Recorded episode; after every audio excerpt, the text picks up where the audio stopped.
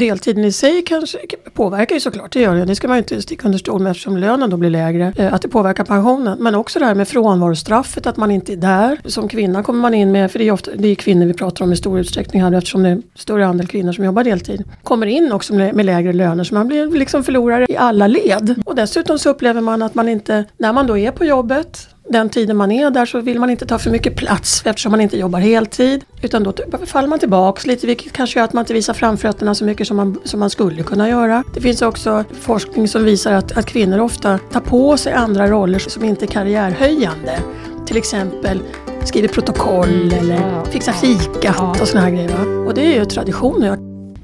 Hej och välkommen till min pensionspodden där vi idag ska prata om föräldraledighet och deltid och om hur det påverkar pensionen. Och med oss i studion har vi två gäster som har bra koll. Anna Allerstrand ifrån fackliga samverkansorganisationen PTK och Fanny Santa som kommer från valcentralen Fora. Välkomna hit! Tack så mycket! Tack så mycket! Berätta lite grann, vilka är ni? Ska vi börja med Anna? Jag ska börja med mig. Eh, jag jobbar som sagt på eh, PTK kansli och PTK vi förhandlar, förvaltar och utbildar om pensioner bland annat då. Och eh, jag, min titel är pensionsspecialist men det säger inte så mycket om vad jag gör kanske. Men jag försöker beskriva de här sakerna vi bör tänka på när det handlar om pension och så på ett lite mera, vad ska man säga, förståeligt sätt. Det låter ju som att vi inte vill begripligt, det låter ju som att vi aldrig pratar begripligt annars men, men ur ett lite mer konsumentperspektiv. Mm. Och eh, jag har ju några år på mig innan pension, eller tills pension då. Jag har inte riktigt bestämt mig för hur och länge jag ska jobba och så. Men jag har bestämt mig i alla fall för att när jag någon gång slutar förvärvsarbeta så ska jag föda upp getter. Åh, oh, vad roligt! Japp, jag älskar getter. Fantastiskt trevliga Men har du någon gård då eller? Eh, det får jag väl skaffa. Nej, nej men jag har, jag har en stor ja. tomt. Ja, mm. okay. Och de är väldigt lättskötta och väldigt trevliga djur. Fanny då? Mm. Ja, eh, Fanny Santa heter jag och jobbar på valcentralen Fora och vad är en valcentral? En valcentral är ett företag som ser till att de eh, avsättningarna som finns i kollektivavtalet gällande tjänstepension faktiskt eh, genomförs på ett organiserat sätt. Vi tar alltså pengarna från företagen och eh, skickar vidare till de pensionsförvaltare som den anställda har bestämt att de vill ha sina pengar hos. Och jag har jobbat där i sju år. Jobbar just nu mest med de anslutningsvillkor som Svenskt Näringsliv och LO har bestämt och ser till att de valbara bolagen följer dem. Ja, du vad ska inte ha några getter? Vad ska du ha för djur när du blir pensionär? Jag ska inte ha några djur alls. Du är yngst här inne så du har några år på dig. Ja, ja, men precis, precis. Jag har inte tänkt över pensionen riktigt än. Nej, men lite grann hoppas jag. Du jag tänker inför pensionen. Ja. Kanske inte vad jag ska göra just med tiden när, jag, när det händer. Nej, Nej, det är bra. Och sen så vi ska ju prata om föräldraskap och, och deltid. Så att en fråga är ju, har ni barn? Har ni några erfarenheter av våra deltidsarbete? Jag har barn, tre stycken, men jag har aldrig jobbat deltid. Hur löste du det då? Faktiskt så hade jag ju hjälpt av min mamma och sådana saker. Men framförallt så pratade jag med min arbetsgivare. Och eh, hade möjlighet då att eh, lösa det. Att komma tidigare, gå tidigare. Mm. Att, eh, ja, jag har haft eh, som sagt samtal med min arbetsgivare som har varit mm. lyckosamma. Så det är någonting jag rekommenderar. Mm. Faktiskt. Mm. Behöver inte vara så, så, alltid så krångligt. Nej, faktiskt. Jag har gjort likadant. Mm. mm. Mm. Jag har eh, tvillingtjejerna Nora och Ella på ett och ett halvt. Mm. Och eh, jobbar heltid sen i september. Både mm. jag och min man jobbar heltid. Mm. Eh, också försöker dela på ansvaret. En hämtar, en lämnar. Mm. Eh, vi har båda ganska flexibla scheman så att man kan komma lite senare eller gå lite tidigare. Så att eh, vi får också funka. Mycket, mycket kommunikation och mycket tålamod. Mm. och samarbete. Och samarbete. Det låter ju som en modern familj. Ja, faktiskt. Mm. ja. Verkligen. Och mina ungar är betydligt större då än vad dina är. Men, men då när, när de var små, alltså min yngsta är född 99.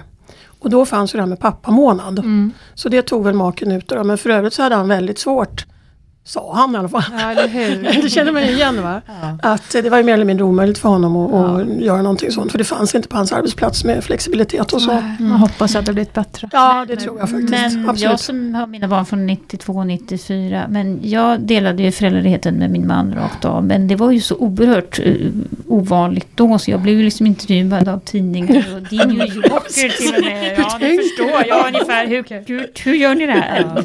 Ja. Så kan det vara. Ja. Ja, när det gäller pension då finns det ju några sådana här saker som man absolut inte ska göra. Man ska inte jobba utan tjänstepension, det vet vi. Mm. Man ska inte ta ut pensionen för tidigt, för då, eller jobba för kort egentligen. Man ska inte börja för sent och gå för tidigt. Man ska jobba mycket. Och så ska man inte jobba deltid. Och när det gäller tjänstepensionen så ja, det är ju svårt att göra någonting åt det. Man kan byta arbetsgivare om det är så. Men annars är det inte så, så mycket man kan göra åt det, liksom om man har tjänstepension eller inte. Men det här med deltid, det kan Ja. man ju faktiskt själv styra lite grann över.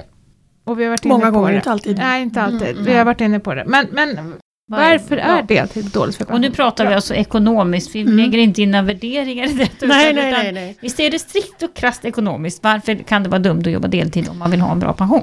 Just om jag börjar där med tjänstepensionen så är ju tjänstepensionen en direkt konsekvens av din inkomst. Mm. Så att går du ner i arbetstid och då också går ner i inkomst så slår det också direkt på pensionen. Eh, så att eh, har du en, en lön och får en lägre, lägre lön får du också en lägre avsättning till tjänstepensionen.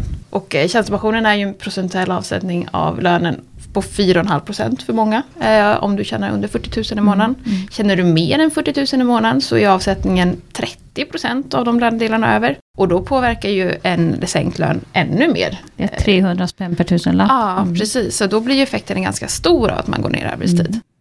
Hur ser trenden ut då? Är, är Ja. det liksom mer deltid nu än förr? Eh, nej, det är det inte. Vi har gjort en rapport som visar att 1987 så var det, tror jag, jag är så dålig på siffror, men så var det var fjärde människa då jobbade deltid. Och idag är det var femte person. Oj. Men då säger du person, om vi delar upp det här på kön då? Så är det fortfarande så att det är färre kvinnor idag som jobbar deltid än vad det var 1987. Ja. Så är det. Så att det här är ju, det händer ju grejer. Det gör ju det Ja. faktiskt. Och sen vill jag nyansera bilden av det där med deltid också för att var, det beror ju på varför man jobbar deltid. Om man jobbar deltid under period till exempel när man pluggar, då är det positivt. Eh, och likaså om man jobbar deltid i slutet av yrkeslivet kan det också vara positivt för att man orkar jobba vidare och man har fortfarande en inkomst. Så att deltid per definition behöver inte vara jätteuselt. Utan det kan faktiskt också vara bra. Men ofta när man pratar om det som är, som är lite sämre då så är det ju att vara långtids eh, deltidsarbetande under de här barnåren. För det är väl det ofta man förknippar tror jag med deltidsarbete. Ja, för det undrar jag också. Vad, vad menar vi och hur ser det ut? Vilka är det, så att säga, den, den vanligaste deltiden? Den är alltså när man har små och halvstora barn. Finns det en tendens att har man väl börjat jobba deltid, fortsätter man jobba deltid? Kan det vara så? Inte direkt, inte Nej. vad vi ser i alla fall. Utan det finns ju då siffror som säger att för varje år så är det en halv miljon som går från heltid till deltid. Så det är inte samma människor Mm. som jobbar heltid hela, eller halvtid hela tiden. Eller Nej. deltid ska vi säga, inte halvtid. Deltid. Utan det här är ju en rörlig massa så att säga. Och eh, det är framförallt när man har småbarn. Men sen i 40-årsåldern så, så är det då man är, då jobbar man som minst deltid. Mm. Så är det under en period, alltså det är när man är, pluggar, när man får små barn och när man närmar sig pension. Sen är det en period när man är aktiv ordentligt. Så va? Och sen så trappar man ner igen då på slut. Ja, Kanske. Ja. Men Vad, vad är den vanligaste deltidsprocenten? Är det det vi tror? Det vet jag Är inte. det Det är- 75? är det 75 Ja, eller 50? 75 Ja. och sen har man ju rätt att jobba, vad är det nu då? 87 procent eller något sånt där tills barnet är åtta år eller något va? Ja, Är ja, så? ja, det, ja. Mm. så att, eh, men det är inte så många som jobbar halvtid till exempel. Nej, okej. Det var kanske vanligare förr. Ja, De här halvtidsjobben. Fyra Men sen timmar så- på förmiddagen. ja, Ja. precis. Mm. Men sen så är det ju inom vissa yrkesgrupper också betydligt vanligare att det bara finns deltidstjänster. Eller kanske det är med halvtidstjänster. Ja. Och det är ju naturligtvis ett pro- problem för då blir det helt plötsligt väldigt, verkligen ofrivilligt att det finns inget annat att tillgå. Och då är det naturligtvis beklagligt och då kan det hålla i sig under en lång period också. Men då skulle man kunna säga så här då, att jag menar när vi pratar om dagens fattigpensionärer så pratar vi kanske om kvinnor som har jobbat halvtid väldigt många år och därför så har det så att säga inte blivit så mycket pension av det skälet. Ja. Och där har man egentligen valt, eller normen har varit att man jobbar deltid. Men om vi tänker på morgondagens pensionärer som alltså får låg pension, då kanske de har jobbat deltid av helt andra skäl. Ja, det skulle jag säga, väl nog... man har inte haft jag möjlighet. Nej, det tror jag. Och många i den äldre generationen också kanske inte jobbade alls faktiskt. Det får man komma ihåg. Eller under en kortare period bara. Kanske när ungarna just blev stora. Då kanske- kanske man hade 20 år i yrkeslivet eller 15 eller någonting sånt där. Så, att, eh, så det, det tror jag absolut att det är så. Att de som kommer bli fattigpensionärer framöver, det är inte de som inte har jobbat. Utan det är de som har funnits då, de här yrkena som är lågavlönade och eh, ont om heltidstjänster. Ja, varför är det så? Alltså det här med, det brukar begreppet ofrivillig deltid. Mm, eller hur? Ofrivillig deltid, det är alltså när man egentligen vill jobba deltid men inte Vill jobba heltid. får. Vad vet vi om det här? Hur många är det som så att säga, egentligen vill jobba heltid men inte får? Och var finns de här deltidstjänsterna någonstans där man alltså inte har heltidsjobb? Någon särskild sektor? Någon Ja, särskild... jag kan ju säga så här, jag representerar ju då privatanställda tjänstemän som Mm. har kollektivavtal. Och där tror jag inte att det är lika vanligt som till exempel i offentlig sektor. Mm. Eh, Men det är min gissning. Men ditt kollektiv då? Det är väl främst kvinnodominerade yrken. Mm. Eh, Jag har ingen statistik på det här Nej. men det är väl eh, som vi upplever det så är det väl eh, alltså inom kommunala sektorn och Mm. också även privat, vård, Hotell och skola, restaurang. hotell, Mm, inom restaurang, handel. Ja. handels, Ja. Eh, som, som där med deltidstjänsterna finns. Eh, Inom in- industrisektorn så är de kanske inte lika vanliga. Nej, nej, man brukar ju skoja i och för sig och säga att på eh, ett stort känt klädföretag, där finns deltidstjänsterna och sen om man då går över gatan till de här som säljer liksom eh, skruvnycklar och maskiner och sånt, där finns det bara heltider. Mm. Det är ju lite intressant. Alltså, vad kommer det sig? Hur har de här deltidstjänsterna i de här just kvinnodominerade yrkena uppstått? Är det, är det för att man har velat jobba deltid eller vad beror det på? Har ni någon susning om det här? Nej, jag har faktiskt Jag tycker Nej, det är... nej. jag Men tycker det, det är kan ju svårt. vara, det är svårt att komma ifrån historien också. Ja. Alltså, har det Mm, varit förut ett val så kanske det är någonting som sitter kvar. Det kanske Ja. inte längre är ett Nej, val. nej. Eh, att man började med att det var kvinnodominerade yrken där många faktiskt valde att välja, eller valde, kanske inte hade så mycket val, de, de gick ner i deltid för att det var det som var alternativet. Och det fortfarande är då så att det finns kvar många sådana tjänster. Är det här någonting man jobbar på fackligt? Att få bort det här? Absolut. Ja. Det är någonting som vi tycker att alla ska ha rätt till en heltidstjänst. Det är självklart. Vad är motargumentet? Ja, det är ju att det är svårt kanske eller att det blir dyrt. Jag har ingen aning, det är Nej. arbetsgivarens. Ja, ja, ja, Liksom. att det blir svårt, att det är dyrt Ja, att det, ja, det finns väl alla möjliga motargument om man letar så att säga. Och det vet jag ju, man pratar om, jag tror att det var Eva, Eva Adolfsson, Alektas pensionsekonom, som sa att de kan, om man inom flyget kan hitta, piloter kan ha olika scheman och fixa och trixa, det får man ihop hur lätt som helst. Men när det handlar om offentlig sektor, sjuksköterskor och så, nej, då är det helt plötsligt omöjligt.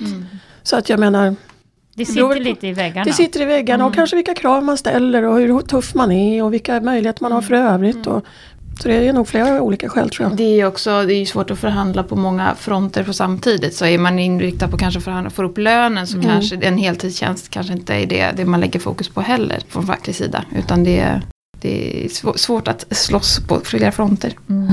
Alltså det finns ju också en myt att kvinnor vill jobba deltid. Eller är det en myt eller är det, är det fakta i det här? Att kvinnor är me- mer, alltså det, för kvinnor är det mer accepterat att ha ett deltidsjobb än vad det är för att ha en man att ha ett deltidsjobb. Jag tror absolut att det är mer socialt accepterat för Ja. kvinnor att gå ner i deltid. Och framförallt så är det väl även om på arbetsplatsen tillåter deltid för män så kan det ju fortfarande vara så att man har lika mycket arbetsuppgifter fast man ska göra dem på, på kortare tid. Och så är det ju för många kvinnor också. Så bara för att man går ner i tid betyder det ju inte att man får mindre arbetsuppgifter alltid.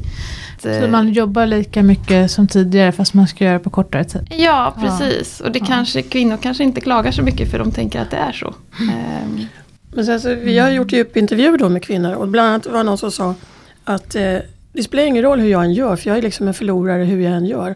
För att jobbar jag heltid, ja men då börjar titta folk snett på mig och tänker så här, "Jaha, vad gör du med barnen då? Varför skaffar du barn om du inte vill vara med dem? Och, och jobbar du deltid så är du en loser för att du torskar pension och sådär och du är typ lite, lite mindre värd. Så att den kvinnan uttryckte ju som att det spelar ingen roll vad jag än gör. För jag är liksom körd i båda ändar. Det Ja. låter hemskt. Vad svarar man då? Ja, vad svarar man då? Det är liksom, men jag vet inte om ni känner igen det, att det finns en liten sån Jo. underton där att, Jo. att jaha, vad gör barnen då när de jobbar heltid? Ja, nu har ju mina barn någon far också, men det är inte alla som har det i för sig. Nej, den här Eller diskussionen har vi haft i en annan podd med Britta Byrå faktiskt. Ja. Mm. Det, den är intressant. Men ibland kan jag också få en känsla av att familjer med små barn faktiskt väljer en traditionell uppdelning. Och det kanske är lite grann i, i det du säger då, att det ligger lite grann i det att, att man, eh, man har liksom den här bilden av Ja, det är nog det som du säger också att det är mer accepterat att en kvinna jobbar deltid ändå. Det kanske blir mera frågor om en man då väljer att göra det. För då kommer väl frågan, vad gör din fru? Liksom. Jag tror framförallt också det är beroende Eller- på inkomst. Män tjänar Ja. ju mer än kvinnor generellt och då blir ju ekonomin, den gemensamma ekonomin mindre lidande av att kvinnan går ner i tid. Men blir det verkligen det? Nej men det är väl så man resonerar. Ja. Eh, rent krasst. Eh, så att jag tror inte att det är så mycket att kvinnor kanske väl mer vill alltid. Utan det är väl mer så att man ser till det ekonomiska nuläget. Att eh, okej, jobbar jag mindre så, så, så slår det inte lika hårt på den gemensamma ekonomin. Det tråkiga är ju att lönegapet ökar ännu mer när man går ner i deltid. Precis, Ja, precis. och det visar ju vår rapport också att, att deltiden i sig kanske påverkar ju såklart, det gör det. Det ska man ju inte sticka under stol med eftersom lönen då blir lägre. Eh, Att det påverkar pensionen. Men också det här med frånvarostraffet, att man inte är där. Som kvinna kommer man in med, för det är, ofta, det är kvinnor vi pratar om i stor utsträckning här eftersom det är större andel kvinnor som jobbar deltid. kommer in också med, lägre löner så man blir liksom förlorare i alla, i alla led.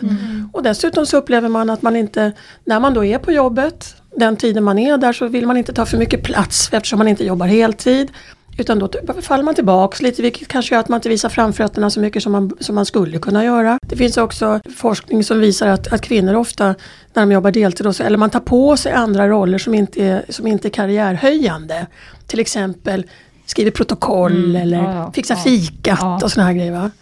Och det är ju tradition jag kan inte se något annat Och det skäl här är en undersökning, en ganska färsk undersökning som vi, ni gjorde, eller hur? Vilka, vi, berätta mer om undersökningen, vilka, vilka pratade ni med? Vilka? Ja men vi pratade ju då, vi, först gjorde vi djupintervjuer där vi ställde lite mera liksom varför. Vi ville följa, alltså ta reda på för att ofta framställs ju kvinnor då som förlorare i många lägen. Man jobbar deltid och man, man tar för lite risk och man, det, allt, allt man gör är fel. Och då tänkte vi så här att det här måste ju påverka den egna självkänslan eller synen på sig själv. Att hela tiden klanka. Så googlar man på, på rubriker så, där, så är det ofta kvinnofällor och allt sånt där.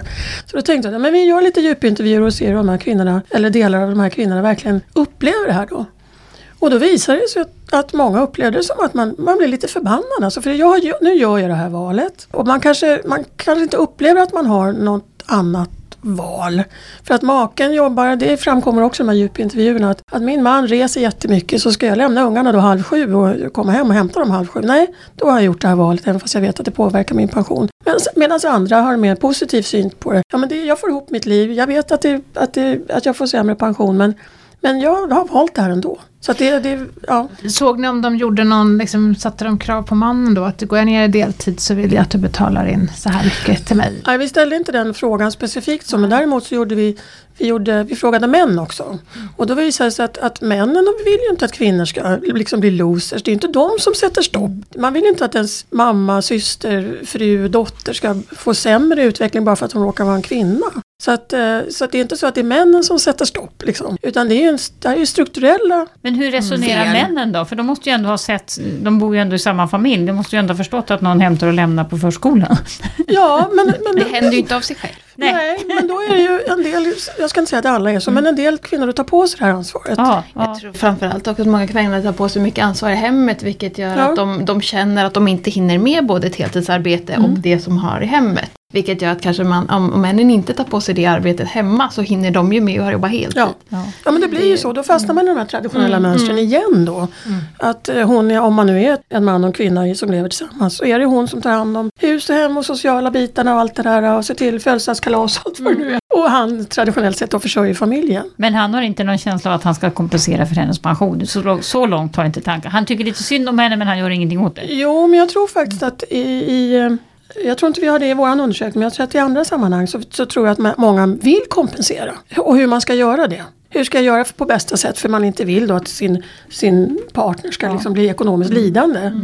Men det kan också finnas en viss rädsla att prata ekonomi i relationer. Ja, att, att det- man, man kanske inte lyfter de här frågorna, speciellt inte när det kommer till pensionen. Man kanske lyfter ekonomiska, hur ska vi dela på föräldrapenningen och föräldradagarna. Men att man drar det så långt att man börjar prata pension tror jag inte är speciellt vanligt. Nej, Nej, men det ligger ju inte, man, man lever ju i nuet med Ja, men just sjuka precis. ungar och vem ska vabba Ja. den här veckan. och Så. Så det viktiga är väl ändå att lyfta frågan i tid. Ja, när man precis man ska absolut. skaffa barn. Hur ska vi göra, inte bara ekonomiskt kortsiktigt Nej. utan även på längre sikt. Hur gör vi och framförallt hur gör vi för att det blir ekonomiskt rättvist även om förhållandet kanske inte håller i slutändan. Ja men det är ju det. Ja, Att för så det länge man lever ihop så funkar det säkert. Mm. Ja. Då har man ju pensionen tillsammans och delar på den också. Men om man delar sig eller om den ena parten dör då, då blir Precis. någon loser. Ja, och då är det väl viktigt att se över vilka, vilka alternativ man har. Ja. Eh, Medan man fortfarande är vänner. Ja, precis. Mm. För den dagen man separerar så kanske man inte är lika kompis. Nej, och lika överens om Precis. hur ekonomin ska delas. Ja. ja, nu har vi pratat om heterosexuella par. Men om man går till homosexuella par, ser det likadant ut där? Har ni koll på det? Nej, det har jag faktiskt inte. Nej. Ska jag ärligen erkänna att jag inte har. Men jag googlade lite. Ja. Har du koll på det? Nej, faktiskt Nej. inte. Jag har ingen statistik på det. Nej, för det som var intressant då, det var att eh, det finns forskare som har tittat på det här då, och då visar det sig att inkomstskillnaderna är mindre i samkönade kvinnliga par, har de faktiskt tittat mest på, än i jämförbara heterosexuella efter att paren har fått det första barnet. Och det tycker jag är väldigt spännande. Dels är man liksom mer Ja, det är- jämställda i löner och så innan, och sen så är man även mer jämställda under tiden och därefter. Mm. Det är jättekonstigt. Det är väl alltså. konstigt. Har vi frågat Mark Och- och, och kan Jonas också? Ja, Och då kan man ju undra, vad beror det på? Ja, sitter i väggarna? Det, är det så liksom? Eller vad, vad är det? Vad? Det finns en förväntan på en som, Ja, som fortfarande finns kvar. ja. Ja. det gör väl det. För det visar ju också, det Sveriges Ingenjörer tror jag som är ett av våra medlemsförbund som har gjort en undersökning som visar att första jobbet så har kvinnor betydligt lägre förväntningar på vilken lön de ska få än män då. Och det visar sig också på riktigt sen för då har ju kvinnor som är generellt sett har lägre ingångslöner. Och varför är det så? Men det känner jag igen med min generation. Men jag menar, jag är ju liksom nästan pensionär. Att det är klart, man var ju nästan en egosattack för att man fick jobb. Så ska jag få betalt Ja, också? ja men det, det, Det är hade jag något hoppats att det, konstigt. det hade försvunnit. Men det kanske faktiskt fortfarande Ja. finns Jag tror att det börjar förändras men det är kanske inte riktigt där än. Nej. Nej, det är klart. Herregud, det är hundra år sedan vi fick rösträtt. Vi kanske går för fort fram. Ja precis, precis, inte gå för fort fram. Nej, ja, det får man inte göra. Nej. Men hörrni, om vi liksom ska komma till något mer konkret. Alltså är det så att man måste bli fattigpensionär bara för att man jobbar deltid? Eller finns det något vi ska liksom tänka på? Och då kan vi börja med, vi kan ta det nästan som ett livs... Alltså när man pluggar, då, det, det är klart, då måste det ju vara en tillgång att jobba deltid, Mm. eller hur? Det är det Ja. För allmän pension tjänar man ju in från första kronan så länge man har en beskattningsbar inkomst. Så att, eh, det är naturligtvis bra. Plus att man kommer in i arbetslivet på ett bra sätt. Ja. Och det är ju en väldigt bra erfarenhet att känna när man har slutat plugga. Så att det finns ju egentligen, om man orkar naturligtvis, man ska inte göra slut på sig. Nej. Men absolut. Och här vet jag faktiskt inte hur det ser ut om det är så att kvinnor och män jobbar lika mycket när de pluggar. Det, det, det får vi skicka Jag tror, ut som faktiskt att, fråga. jag tror faktiskt att våran, våran undersökning visar att män, eller man har frågat varför man jobbar deltid, så säger Ja. män i större utsträckning eh, Kvinnor säger barn, små Mm. barn och män säger studier. Okej, okej. Så det kan vara så att Mm. skillnaderna uppstår redan där. Mm. Ja, man brukar säga att kvinnor har två år kortare tid i arbetslivet. Mm. Kommer in senare, slutar tidigare. Ja, eh, men sen då, småbarnsföräldrar. Här, det är ju egentligen de som, där man kanske måste tänka till mest. Vad ska vi ge för tips? Hur ska man tänka? Man står där med sin bebis, eller kanske redan innan man har sin lilla baby. Ja, Hur precis. tänkte ni? Vi, vi satte oss faktiskt ner och pratade eh, noga om hur vi ville göra innan barnen kom. Ja. För vi visste ju att det skulle vara två, att vi inte skulle ha så mycket tid efter. Oj, ja. Så att det är nog bra att göra det här när man är utvilad och Ja. eh, innan barn eh, kommer. Och då pratade vi om dels hur vi ville dela upp föräldraledigheten. Mm. Att vi ville, ville dela hälften hälften och det var ett krav från min sida. Ja. Att eh, antingen så gör vi det här och då gör vi det hälften hälften eller så gör vi det inte alls. Eh, och det kan man ju faktiskt ställa som kvinna idag.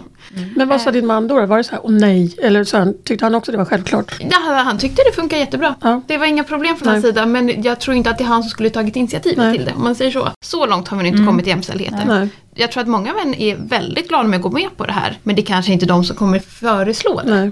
Vilket gör att man kanske får dra lite tyngla som kvinna även i, i, i det här fallet. Sen så var det också väldigt viktigt att, att informeras om hur mycket pengar kunde vi få under försäljningslägenheten. Omfattas jag av kollektivavtal? Omfattas han av kollektivavtal? Vilka kollektivavtal och försäkringar finns det under föräldraledigheten? Eh, har man ett kollektivavtal så kan man ju få ett föräldrapenningstillägg vilket är 10% ytterligare utöver föräldrapenningen. Och det måste man ibland ansöka om. Så det är Just väldigt det, viktigt att vem, det är just i ert avtal, Mm. alltså SAF, Ja. LO, där måste man privatanställda ansöka. arbetare måste ansöka hos AFA för att få det här. Och det är Eh. afa.se som man googlar. Ja, och, precis. Där kan man gå in och så kan man kolla på. Som tjänsteman behöver man inte ansöka. Nej, precis. Jag som, privat, jag som privatperson, eller som anställd, så behövde jag inte ansöka om det. Eftersom. Men, men är man privatanställd arbetare, man gör det. Och det är samma sak, eh, har man kollektivavtal så kan man få en premiebefilförsäkring. Det betyder att, att eh, din pensionspremie betalas in till din tjänstepension när du är föräldraledig. Är du privatanställd arbetare så måste du ansöka om det här också. Så att du kan gå miste om det här om du inte vet om det. Så informera dig om vad som gäller just för dig. Jätteviktigt. Tror du att det är många som missar det här? Jag tror att det är många som visar det här. Det har vi också visat. Jag vet att AFA har statistik på det här. Jag kan inte säga exakt hur många det är Finns som gör det det. någon retroaktivitet? Om jag kom på, oh shit, mina ungar är tre år, kan jag göra någonting nu? Jag tror man kan ansöka i retroaktivt men jag vet inte exakt hur länge det är. Så det, det bästa är ju alltid att informera sig Kolla i sig. förväg. Ja. Absolut. Men det är väl det allmänna rådet att i, när man då bestämmer sig för att man vill skaffa barn eller att man är gravid. Att man sätter sig ner och så sagt funderar på vad sjutton, okej vad händer nu med allt vi har? Ja, men så precis, fatta ett medvetet, Ett medvetet gemensamt beslut, ja. Och då kan man ju också redan då börja prata om, okej men när barnen börjar på förskolan, vi skulle kunna jobba heltid båda två, skulle det kunna vara liksom genomförbart? Eller behöver någon av oss gå ner i tid? Mm. Och hur gör vi då? Och hur slår det på ekonomin? Och också då hur slår det på pensionen? Och skulle vi då på något sätt kunna kompensera för det här? För det här samtalet kommer du inte kunna ha när du har en liten ettåring som springer omkring Nej. och drar i Nej. uppmärksamheten. Nej, det orkar Men- man ju inte med det. Nej. Men en sak till, eh, alla har ju inte kollektivavtal, alla är inte anställda. Alltså är du egenföretagare eller har en tjänstepension som inte är kollektivavtalad, hur funkar det där då? Den tjänstepensionen som inte är kollektivavtalad har oftast ingen premiebefrielseförsäkring. Nej. Min man till exempel har inget kollektivavtal. Ajabaja. Aj, aj, Aj. Ehm, Ja. men Tur han- att du har det. Ja men Ja. precis, men han har en, en tjänstepension. Ja. Eh, men då fick ju inte han några pensionspremier inbetalt Nej. till den medan han var föräldraledig. Eh, han fick inte heller något föräldrapenningstillägg på de här 10 procenten utöver föräldrapenningen. Så det är ganska stor skillnad om du har kollektivavtal eller inte. Eh, så det är viktigt att informera dig som sagt. Den är bra att Det kolla. är ingen självklarhet. det är det Nej. inte. Nej, och egenföretagare har ju ingenting av det här. Nej men precis. Inte om man inte har skaffat sig dem själv. Nej, Ja, nej precis. Man kan, man kan ju välja till det där också. Ja. Men jag tycker att det är lite roligt för att ofta när man skaffar barn, tror jag, de allra flesta i alla fall, eh, om man har en bil så börjar man fundera, måste vi skaffa, skaffa en större bil nu? Det är ju en rätt stor investering. Så man sätter sig ner och funderar, okej vad ska vi ha för bil? Och bla bla bla. Och det liksom gör man rätt självklart. Ja. Men titta på, andra grejer, vad, hur påverkar det här? nu? Det kan ju vara minst lika mycket pengar. Ja men precis. Men, men det tänker man Nej, inte på. nej. Men en bil, eller måste Ja. vi köpa ett större hus eller större lägenhet? Eller, Praktiska liksom. de rent praktiska, ja. Precis. Men sen när det kommer till pensioner då, och det är klart det är ju väldigt avlägset. Visst, fast å andra sidan, jag menar nu pratar man ändå ganska mycket pension. Många unga som tycker att de måste spara lite extra. Alltså det finns ändå något Mm. slags medvetande. Hur ska man tänka här då? Det går ju att räkna på. Om jag säger att jag, okej men jag kanske går ner och jobbar 80% för att rent fysiskt inte pallar med att jobba. För det finns ju ganska många krävande jobb som Mm. kanske inte riktigt går att kombinera med, med familjelivet på det Nej. sättet. Och då får man ju göra ett medvetet val, måste informera hur mycket går jag miste då i pensionen. Mm. Då kanske kan gå till din närmsta banktjänsteman eller liknande så kan de hjälpa dig att räkna på det här. Och så kan man ju faktiskt göra någon slags av kompensation. Okej men då får min man betala in så här mycket till något privatsparande för mig. Och så kanske lite ett äktenskapsförord ifall det inte skulle gå hela vägen. Så det, det går ju absolut att göra. Det går ju att räkna på allt det där. Samma sak med, med premiepensionen kan man ju faktiskt överlåta också. Om man skulle vilja göra det. Så att man, Sen är det ju så här också, och det är kanske lite överkurs, men, men nog så viktigt ändå, att just när det gäller premiebefrielser så ser det ju väldigt olika ut hur länge man kan få den här premiebefrielsen. Och då är det väl så att man kan säga att i offentlig sektor, alltså kommunalt och statliga jobb, där kan du alltså få inbetalad full tjänstepension så att säga, så som att du hade jobbat heltid, om du jobbade heltid innan, så länge du har barn i förskoleåldern, det vill säga upp till åtta år. Det är ju ganska maffigt. det är väldigt Ja, generöst. medan du i andra avtal då kanske har ett år på Ja, sin höjd. som 13 du får. månader 13 för månader. Varför är det så här olika? Ja, det är väl också lite förhandlingskraften. Ja, och det är väl som sagt avtalet för övrigt och man tänker sig då till exempel, nu bara spekulerar jag för jag har faktiskt ingen aning om hur det fungerar inom det eh, inom kommunala avtalet mer än, ja, Att det är så här? att det är så. Ja. Men eh, om det nu är så att det är väldigt många kvinnor till exempel Ja. och så vet man att de jobbar mycket deltid så kan ju väl det vara en, en anledning till att man verkligen har förhandlat fram det här, att man har drivit på det väldigt kraftigt. Kan jag tänka mig, eller vad säger Ja, du? ja men absolut. Ja. Man förhandlar ju fram det som är intressant för, för de som är ja. i Men målgruppen. det här kan ju rimligen också förstärka könsskillnaderna. Ja. Ja, absolut. Och det är väl det lite grann, hur sjutton ska man göra då? För det är någon kvinna som säger i vår rapport också här att, att man önskar att de här, det här obetalda arbetet också skulle vara pensionsgrundande. Men, men alltså, det, det känns ju som att man är tillbaka till alltså, hemmafrutiden. Och det skulle ju vara, även om jag förstår tanken att vad fasen ska inte vi, det här, vad ska, varför ska inte det här värderas? Så blir det ju väldigt konstigt. Och vem ska betala för det då? Alltså det, och det här är svårt. Och det visar sig också här att många har, man har ju inte riktigt koll på det här. Alltså vad som är viktigt och inte. Många i vår undersökning visar, och det gäller både män och kvinnor, för det vet jag sedan tidigare undersökningar också, att man tror att det privata sparandet är betydligt viktigare än att ha en tjänstepension. Ja. Och då känner man ju också att ja, men alltså, då är man ju offer för någonting annat. Alltså försäljning av något slag. Som ju kanske kostar dyra pensionspengar och som, som gör att man blir stressad för man har inte de pengarna att spara. Istället för att då förstå att det här med att ha en tjänstepension är betydligt viktigare. Och då en kollektivavtal, då får man ännu mer pension för pengarna. Så att det här är någonting som är skevt och som, som ju både ni och vi då försöker råda bot på och ni också är på min pension. Så att, att öka den kunskapen om vad som de facto är viktigast.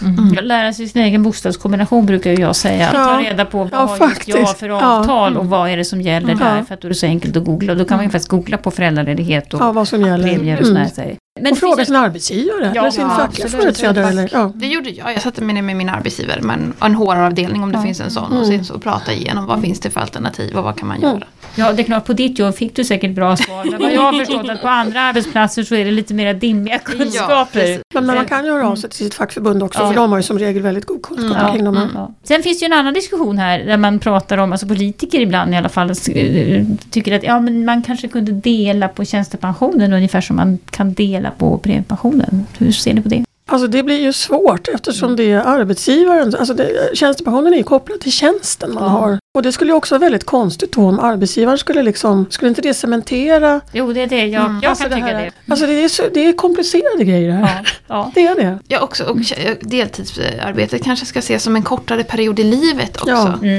Eh, Det är väl ingenting man ska se som en, som en långtidslösning utan det är väl en kort period i livet som, som man kan behöva det för att Ja. faktiskt orka med. Men, men sen så har vi ju det så fantastiskt i Sverige att vi faktiskt kan jobba heltid. Ja. Vi har faktiskt eh, möjlighet att lämna våra barn på förskola Mm, och jobba mm. heltid båda två i ett Mm. förhållande. Vilket man absolut inte har i andra länder. Så det är ju fantastiska möjligheter Mm. som vi kanske inte alltid pratar om. Det, det är faktiskt en förmån att få jobba heltid också. Mm. Om Mm. man vill det. Precis. Och att jobba deltid under perioder i ens yrkesliv, det är ju en del av yrkeslivet. Mm. Ja. På något sätt. Men det, utan det är det här cementerade ofrivilliga eh, deltidsarbetet som av ondo om man säger. Men annars är det ju en del av en vanligt, Ja, ett vanligt ja, yrkesliv. Att man pusslar ihop sitt liv. Mm. Och man kan ju båda gå ner i tid. Man Ja. kan ju jobba 90% Ja. 80% båda Ja. två. Och det är någonting som, som jag föreslår i vår rapport också. Att om det nu är så att jag jobbar deltid när barnen är små. Ja, då kanske det är rimligt om jag nu har en partner att partnern tar vab-dagarna. Mm. Så, att- så att arbetsgivaren också ser att ja, men, hon lägger ju ändå manken till. Hon vill ju vara här. Hon vill visa framfötterna. Och jag känner själv också att jag kan ta den platsen. För att jag, Mm. okej jag jobbar deltid men, men jag prioriterar liksom Mm. ändå, att, ändå att jag har ett jobb. Och jag vill göra mitt bästa på jobbet. Så att det finns ju andra möjligheter också. Men det krävs ju att man pratar. Ja, ja just. FAB-dagarna nu efter eh, nyligen kommer ut från FAB februari har vi det färskt i huvudet. Men vi har tagit att eh, jag tar jämna dagar, eller jämna datum och han tar ojämna datum. Ja. Så är de sjuka så, så kollar vi vars vi Och det kan man ju faktiskt berätta för arbetsgivaren Ja, också så ja, vet vi. Det är precis. ingen dum idé. Det är Precis, har man planering för alla. Då lägger man så eh, vikt- byta. Ja. Ja. Men då har man ändå sagt det från början Ja. att det här är grundregeln.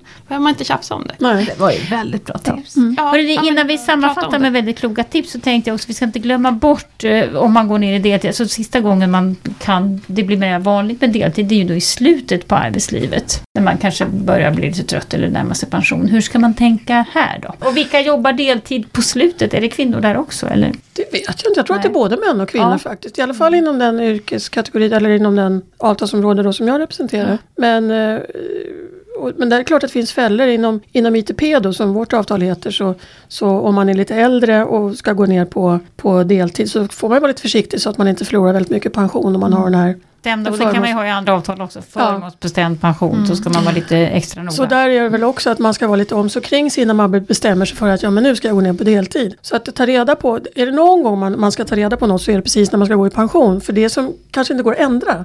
Alla de andra bitarna under resans gång kan man ju justera. Ja. Men när det handlar om att gå i pension och tjänstepensionen framförallt då, då så är det ju att lagt kort ligger. Så då måste man vara väldigt nogsam med vad det är man de facto bestämmer sig för. Så att är det någon gång man verkligen ska sätta sig ner och göra en, en kalkyl eller gå igenom vad man har så är det ju då.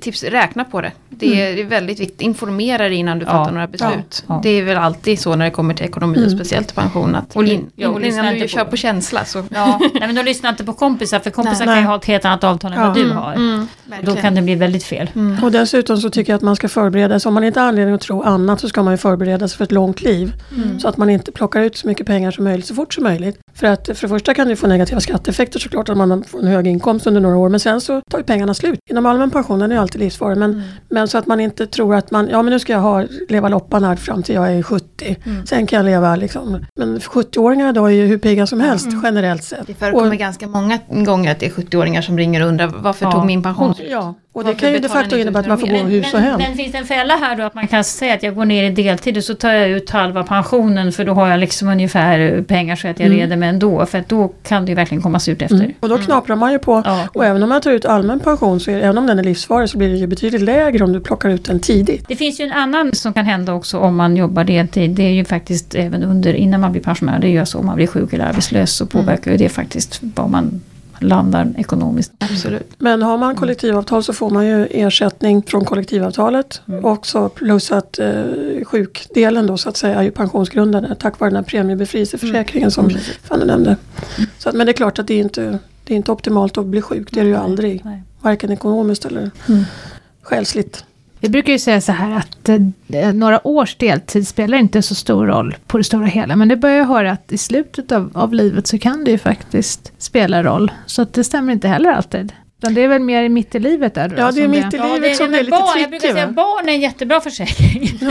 på det. Alltså, har du små barn, du har ju dels det har du pensionsrätten, den allmänna pensionen, som gör att du kompenseras till viss del för att du har barn under fyra år om du tjänar minst i familjen. Och sen har du då en del skydd beroende på kollektivavtal, men som också räddar hem, alltså du får extra inbetalade pengar just för att du har ba barn. Men, men när de börjar skolan och så, då finns ju inte de skydden kvar längre. Så det ska man veta om. Men hörni, ska vi sammanfatta med några begåvade tips?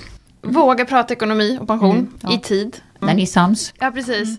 Självklart så måste man orka. Så att orkar man inte kan man gå ner i deltid. Men då ska man fatta det som ett medvetet beslut. Mm, mm. Under en kortare tid. Var kan man ta hjälp någonstans med räkna och vem ska man fråga om man undrar något? Dels så finns ju min pension, väldigt Ja. bra. Sen när det kommer till tjänstepensionen så dels fackförbundet kan man vända Ja. sig till. Man kan vända sig till valcentralen. Mm. Och så kan man vända sig till eh, konsumenternas.se som är väldigt bra. Där finns det väldigt mycket bra information om tjänstepension och allmän pension. Även om man jobbar deltid så att säga, kan man, kan man räkna? Det vet vi inte. Jag vet inte Nej. riktigt just på konsumenterna om det är deltid. Nej. Ja, vad säger Anna? Ja, men jag håller med naturligtvis och vill, vill komplettera då med att man som, eh, oavsett om man är man eller kvinna, ska man ju se till att man har rätt ingångslön.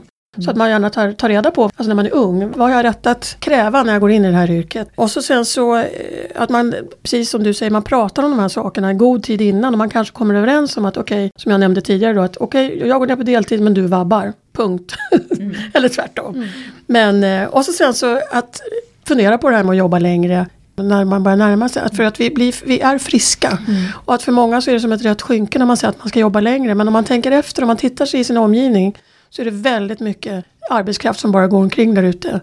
Och som skulle kunna behövas i yrkeslivet och som skulle kunna göra en jätteinsats. Så att jobba något längre, det tror jag. Och de allra flesta när man frågar människor som, som har tidigare då, om de hade velat jobba längre, så är det väldigt många som säger ja det hade jag gjort. Och då kanske framförallt inte av ekonomiska skäl, utan av sociala skäl och hälsoskäl. Att man, det är kul att känna sig behövd. Nej, men då, om vi går tillbaka till rubriken då, blir jag fattigpensionär och jobbar deltid. Och om man nu känner det att oh shit, jag har jobbat deltid mycket, mycket och hur ska det här gå? Så kan man ju rädda hem väldigt mycket genom att jobba något år till. Och det Ja. kanske man orkar om man har jobbat deltid. Ja. Kanske man faktiskt orkar jobba något år till. Och det gör ju faktiskt otroligt mycket på pension. Och dessutom kan det ju faktiskt vara så att man har jobbat i ett tungt yrke som man känner att nej det här vill jag verkligen inte fortsätta med. Det finns ju ingenting som hindrar att man gör någonting annat. Nej. Jag hade en kollega som jobbade, jag jobbade på bank då, han hade jobbat som, inom banken i alla år. Men sen så när han gick i pension så eh, anmälde han sig till någon sån här statistgrej. Så jag plötsligt dök han upp på TV. Det hade varit hans dröm att bli skådespelare. Ja. Så nu kör han omkring gjort massvis med såna här roller i olika roligt. reklamfilmer. Så att jag menar, man kan ju... Jätter och skådespelare. Jätteskådespelare, precis. Du har ju vilket liv jag lever. Ja, veteranpoolen skriker väl efter folk också. Ja. Och jag tror att man kan väl, även om man inte tycker att jag har väl inget att komma med, så, så fråga. Ja. Jag tror att de, det är inte bara det att de liksom målar hus och klipper gräs, utan de, de hjälper till med allt möjligt. Ja, Ja, absolut. Och jobba med någonting du tycker är kul. För Ja. då vill du jobba länge. Det är bra. Mm. Det är bra. Mm. Och så gillade jag ditt tips där med varannan jämna och ojämna dagar för vab. Ja, ja men Den de, var bra. dela.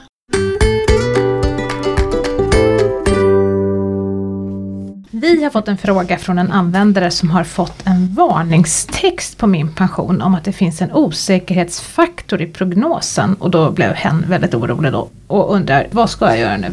Ja, det där kan ju skrämma slag på nästan vem som helst. Det kan bero på flera olika saker. Vi är ju inte alldeles kompletta, faktiskt inte alla gånger. Utan vi kan dessutom ha fått osäker information från de bolag som levererar till oss. Och det kan också vara så att vi inte har riktigt kläm på, om du inte har angett tydligt vilket avtalsområde du jobbar i och vilken, vilken tjänstepension du har, så kan det också uppstå osäkerhet. Då kommer det upp en sån här varningstext. Eh, Och det bästa man kan göra när man får en varningstext, för att det är svårt att säga generellt vad den kan bero på, det är att ring vår kundservice och fråga, så hjälper de till med det här.